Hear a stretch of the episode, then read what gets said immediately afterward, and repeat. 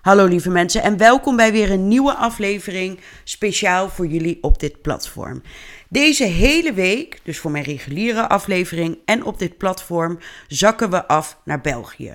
Want ook daar worden vreselijke moorden gepleegd. En deze week gaan we het hebben over de moord op Nicole van de Assen. Een hamer, een ontploffing en een moord. Hoe zit deze zaak in elkaar? Zoals ik al zei, gaan we voor deze zaak naar België, naar maandag 29 januari 2018. Jan van Asbroek stuurt een berichtje naar zijn vriendin Nicole van der Assen. De twee kennen elkaar ongeveer een half jaartje en sinds een maand of drie hebben de twee officieel een relatie. Nicole heeft voor Jan haar echtgenoot Guy Pardaans verlaten. Het is niet dat ze elkaar helemaal niet meer zien, Guy en Nicole. Want Nicole doet nog steeds zijn administratie en ze kookt zo nu en dan nog voor hem. Maar Nicole heeft Guy wel verlaten voor Jan. Over het algemeen sms Nicole Jan altijd terug. Maar nu niet. En dat verbaast Jan enigszins. Ook als hij Nicole belt, krijgt hij direct haar voicemail. Hij rijdt nog langs het huis van Nicole, maar hij ziet dat zij daar niet is. Haar auto staat daar niet. En Jan besluit dan om terug te gaan naar zijn eigen huis om wat te eten. En hij stuurt Nicole nog een berichtje dat hij naar de opnamestudio gaat om een carnavalsliedje in te zingen met vrienden. En dat als hij klaar is, hij haar nog een keer probeert te bellen. Maar ook op dit berichtje komt geen antwoord. Het is inmiddels iets na tien uur s avonds en Jan is klaar met het opnemen en hij belt opnieuw naar Nicole. En weer krijgt hij haar voicemail. En nu wordt Jan toch echt wel een beetje ongerust. Hij besluit naar de woning van de ex van Nicole te rijden, naar de woning van Guy Pardaans. Misschien is ze daar wel en heeft ze het niet gezegd. Als Jan aankomt in de straat van Guy, ziet hij de auto van Nicole staan. En hij parkeert de auto achter de auto van Nicole. Hij gaat naar het huis van Guy en hij belt drie keer aan. Niemand doet open. Wat raar is, want de auto van Nicole staat er wel.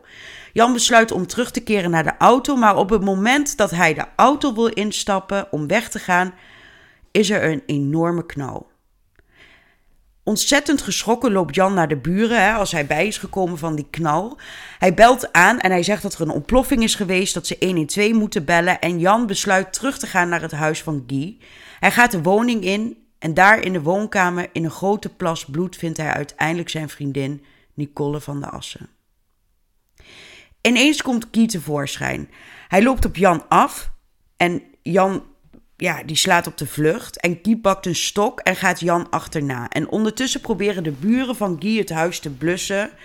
Ja, zo goed en zo kwaad als dat dan gaat. Want aan de achterkant van het huis staat alles in brand. En ook aan de binnenkant van het huis um, staan grote delen in brand. En ook de buren die naar binnen gaan, zien Nicole liggen in een grote plas bloed. Zij zien ook dat er een sleepspoor vanuit de keuken naar de kamer is. En op, de aanrecht, en op het aanrecht ligt een klauwhamer. Onder het bloed. De buren proberen in het, het, het huis te blussen en ondertussen wachten ze op de komst van de hulpdiensten. En ineens duikt er dan een vrouw op, totaal in paniek. Zij vertelt dat ze aan het rijden was en ineens voor haar auto een man opdook. En in de eerste instantie dacht die vrouw dat ze die man had aangereden. Toen de vrouw stopte en uitstapte om te kijken hoe het met de man ging, die voor haar auto ineens uh, ja, opsprong, sprong de man weer op. Hij lag op de grond, hij sprong op, haalde stok in zijn hand en het was Guy. Hij was op de vlucht voor de politie. En Guy probeert door de velden te vluchten, want hij had de achtervolging op Jan moeten stoppen. Want Jan kwam een koppel tegen onderweg in een auto. Die maande hij tot stoppen. Hij kende de man en de vrouw en die namen Jan mee. En Jan vertelt aan die mensen dat Guy zijn vriendin heeft vermoord. En dat hij ook Jan wilde vermoorden. Nou ja, Guy was Jan was natuurlijk weg. En Guy die kon dus, hè, die, die moest, die moest de, de achtervolging staken. En hij besluit, ja, ik moet gewoon weggaan, want anders pakt de politie mij op. Nou, uiteindelijk wordt Guy dan ook gevonden. Hij ligt op zijn buik, hij is gewond. Zijn kleren zijn helemaal weggesmolten, zijn haar is weggeschroeid. Hij heeft derde graads brandwonden aan zijn hoofd en aan beide handen. Guy wordt dan overgebracht naar het ziekenhuis en daar wordt hij in kunstmatige coma gehouden. En hij kan pas twee maanden na de moord verhoord worden. Maar de politie heeft ondertussen natuurlijk niet stilgezeten. Het onderzoek was al die tijd in volle gang. Er is sectie gepleegd op het lichaam van Nicole en daaruit blijkt dat zij tenminste twaalf keer op haar hoofd geslagen met die klauwhamer. Het schedeldak en het voorhoofd van de vrouw was totaal verbrijzeld. Nou ja, na twee maanden kan Guy verhoord worden. Hij is al die tijd wel aangehouden natuurlijk. Maar tijdens verhoren heeft Guy verklaard, en dat is even in het kort, want ik kom daar straks uitgebreid op terug, dat hij zich bedrogen voelde door Nicole. En um, hij voelde zich ook financieel benadeeld door haar. En hij wilde de relatie met Nicole nog redden. Echte wilde zij niet. En hij zei letterlijk: Toen mijn geld op was, liet ze me zitten.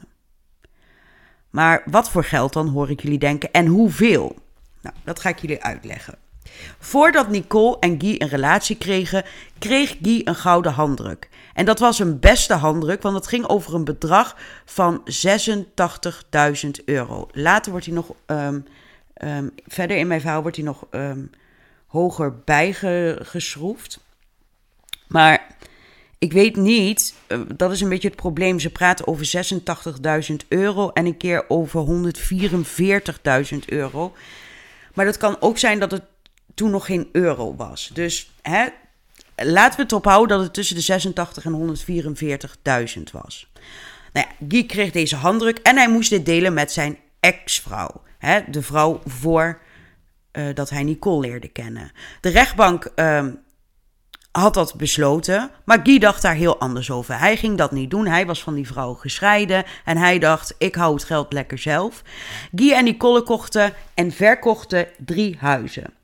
De hypotheken werden op beide namen afgesloten, maar Nicole was steeds eigenaresse van het huis. En de reden hiervan was dat als de ex van Guy nog iets wilde, als in geld, omdat hij immers zijn gouden handdruk achterover had gedrukt, om maar even zo te zeggen, bleven de huizen dan buiten schot, omdat het op naam van Nicole stond.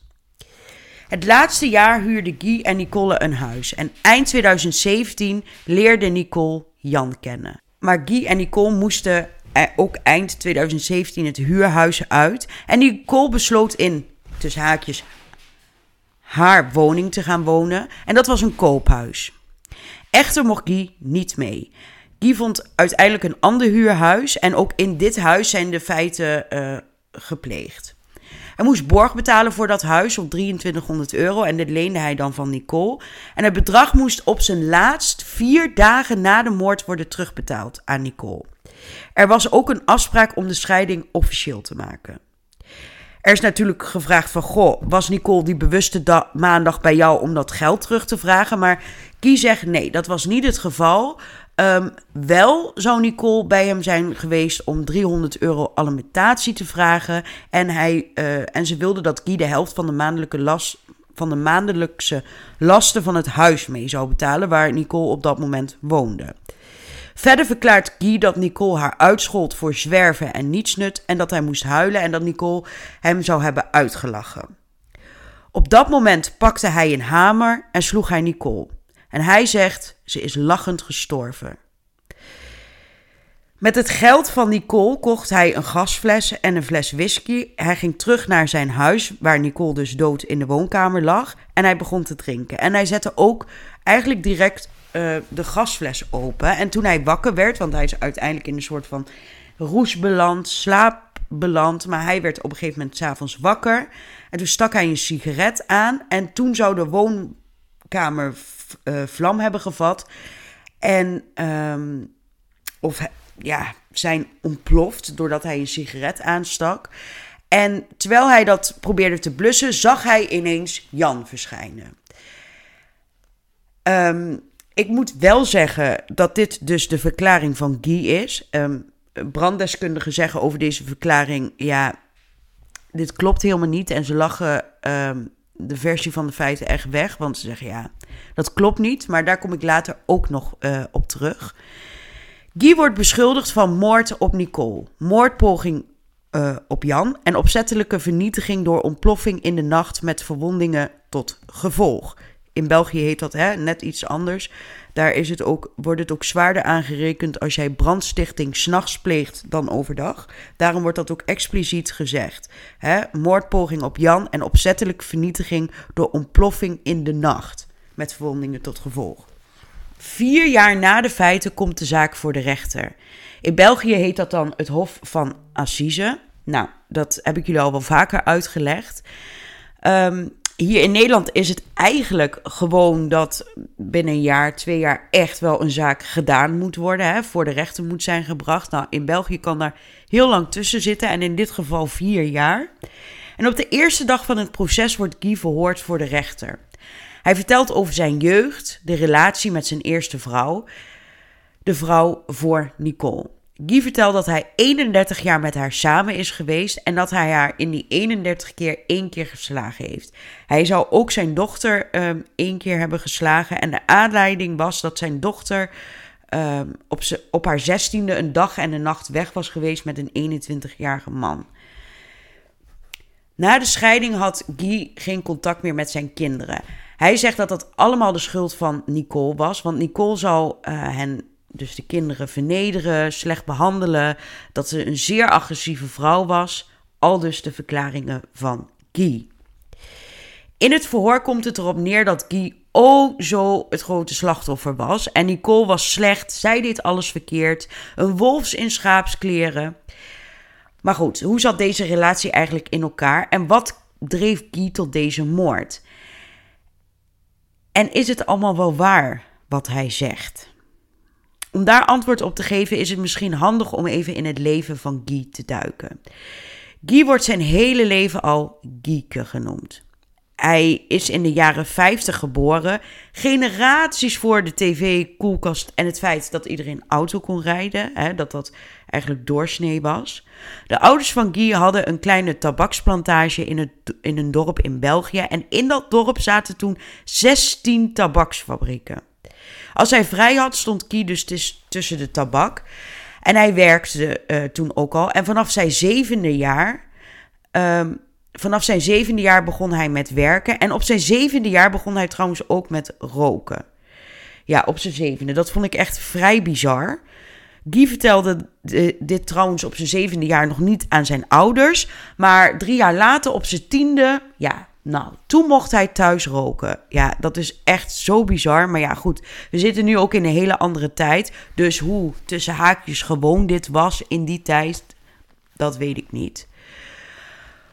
Maar op zijn tiende jaar werkte Guy dus de hele zomer al bij boeren. En de rest van het jaar ging hij werken bij de melkboer. Naar school ging hij niet graag. En hij kluste ook wat bij bij zijn leraar in de tuin. En daar verdiende hij ook een paar centen mee. Op 17 december 1976 trouwt hij met Simone, dus de ex-vrouw voor Nicole. Hij, heeft met, hij, heeft, hij had toen nog wat baantjes hier en daar in een betonfabriek als metselaar, in een bankenfabriek, maar daarna krijgt hij eindelijk zijn gedroomde baan bij Volkswagen. En daar werkt hij 30 jaar. Als hij klaar is met het werk, kluste hij ook wat bij in het ja, met oud ijzer. En in 2007 deelde Volkswagen een gouden handdruk uit. Guy aanvaarde dus die ja, 144.000 euro of uh, eh, 85, ja, het zit daar tussenin. Um, en hij begon direct, hij stopte met het werken bij Volkswagen. Maar hij dacht, ik ga niet thuis zitten. Ik begin gelijk met een andere baan, de dag erop zelfs, um, in de bouw. En op zijn 56ste ging hij met de FUT. Hoewel Guy heel veel geld bij elkaar had verdiend, strandde het huwelijk met Simone in 2006. Ze vond dat Guy heel veel aan het werk was en uh, ja, hij kan dan wel heel veel geld verdienen, maar goed, als dat het is en voor de rest geen aandacht en liefde bij zit, ja, dan houdt het, houdt het op. Ik wou zeggen, dan houdt het gauw op, maar goed, uh, Simone is toch 31 jaar bij hem gebleven. Maar ja, Guy dacht ook, die voelde het einde ook een beetje aankomen. En die dacht: Weet je wat? Om Simone zoet te houden, geef ik haar een laptop. Ja, en dat was het begin van het einde. Want Simone wist ook wel dat het een, een, een zoethoudertje was. En ja, ze leerde werken op die laptop. En zo leerde ze ook dat ze via die laptop andere mannen kon leren kennen. En dat was het eindpunt van hun huwelijk. Simone ging weg. Ze was er klaar mee. Ze had andere mannen ontmoet via, nou ja, misschien wel een chatprogramma of zo op die laptop. En ze dachten, ja, ik wil gewoon gelukkig zijn en dat geld kan me gestolen worden. Volgens Guy was er tot dan niks aan de hand. Echter zeggen de kinderen en Simone daar iets heel anders over. Op 1 april 2007 ging Guy samen met een vriend, die toen ook vrijgezel was, naar een bar. En daar aan de bar zat Nicole. Guy nam de stap om haar aan te spreken en hij wist het. Nicole wordt mijn vrouw. En dat gebeurde ook. Ze trouwde in een oldtimer uit het geboortejaar van Nicole, 1965. En de eerste jaren van hun huwelijk maakten ze mooie reizen samen. Ze gingen naar Griekenland, Zwitserland, Turkije, Marokko, Azië, Dubai, Finland, Denemarken en Zweden. En dit waren hele fijne tijden voor de twee. Ieder jaar kreeg Nicole een nieuwe auto. Elf auto's in elf jaar tijd. Het was volgens Guy de vrouw van zijn leven. Het geld vloog er doorheen volgens Guy. En nadat het geld op was, ging Nicole er vandoor. Al dus Guy. Verder verklaart hij dat Nicole achter zijn rug meer dan 189.000 euro bij elkaar had gespaard. Nog één keer liet hij het geld rollen. Hij, ging een, uh, hij kocht een huis in Nienhoven en um, nou ja, goed, dat stond ook weer op de naam van Nicole.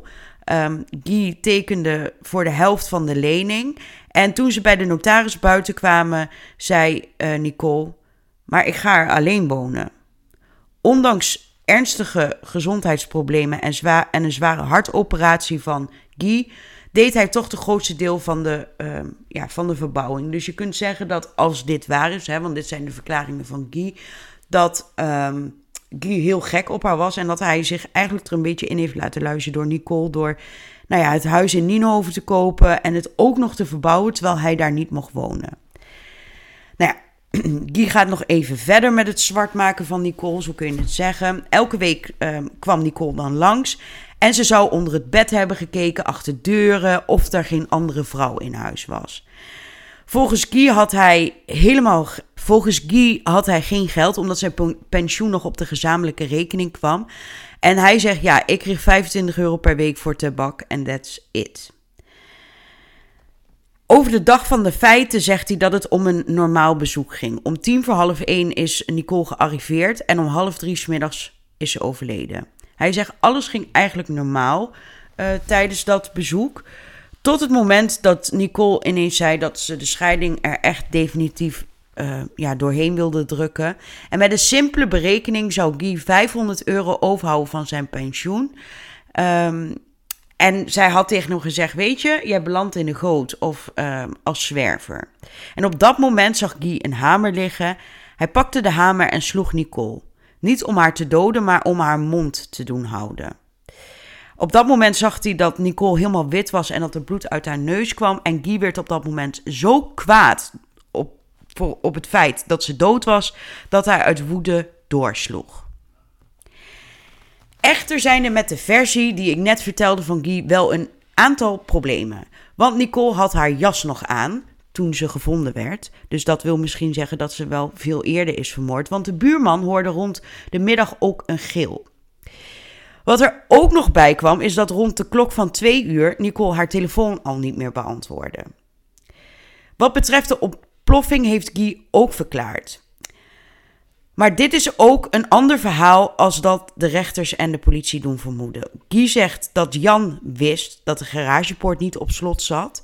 Um, dat Jan al eerder de woning binnen had kunnen komen. En op dat moment lag Guy voor Pampus met een fles whisky en uh, de, glas, uh, de gasfles open. Um, Jan die zou van alles hebben uh, gestolen. En hij zei, um, hij kan wel van allerlei dingen in mijn huis hebben gedaan dat het is gaan ontploffen. Hij verklaarde toen hij om half elf s'avonds wakker werd, toen hij een sigaret opstak, dat hij toen een steekvlam zag, dat, dat er toen die ontploffing ontstond en die brand in de woning. Dit is het verhaal van Guy. Maar deskundigen zeggen gaan we allereerst even naar de ontploffing. Een, een expert die legt het volgende uit over een gasexplosie. Er zijn namelijk drie voorwaarden nodig om tot een gasexplosie te komen. Er moet brandbaar gas zijn. De concentratie van het gas moet binnen de explosie, explosielimieten zijn, dus niet te min. En uh, Ehm, want dan komt er geen explosie. Maar als het te veel is, komt er ook geen explosie. En tenslotte moet er een ontsteking zijn die voldoende energie oplevert.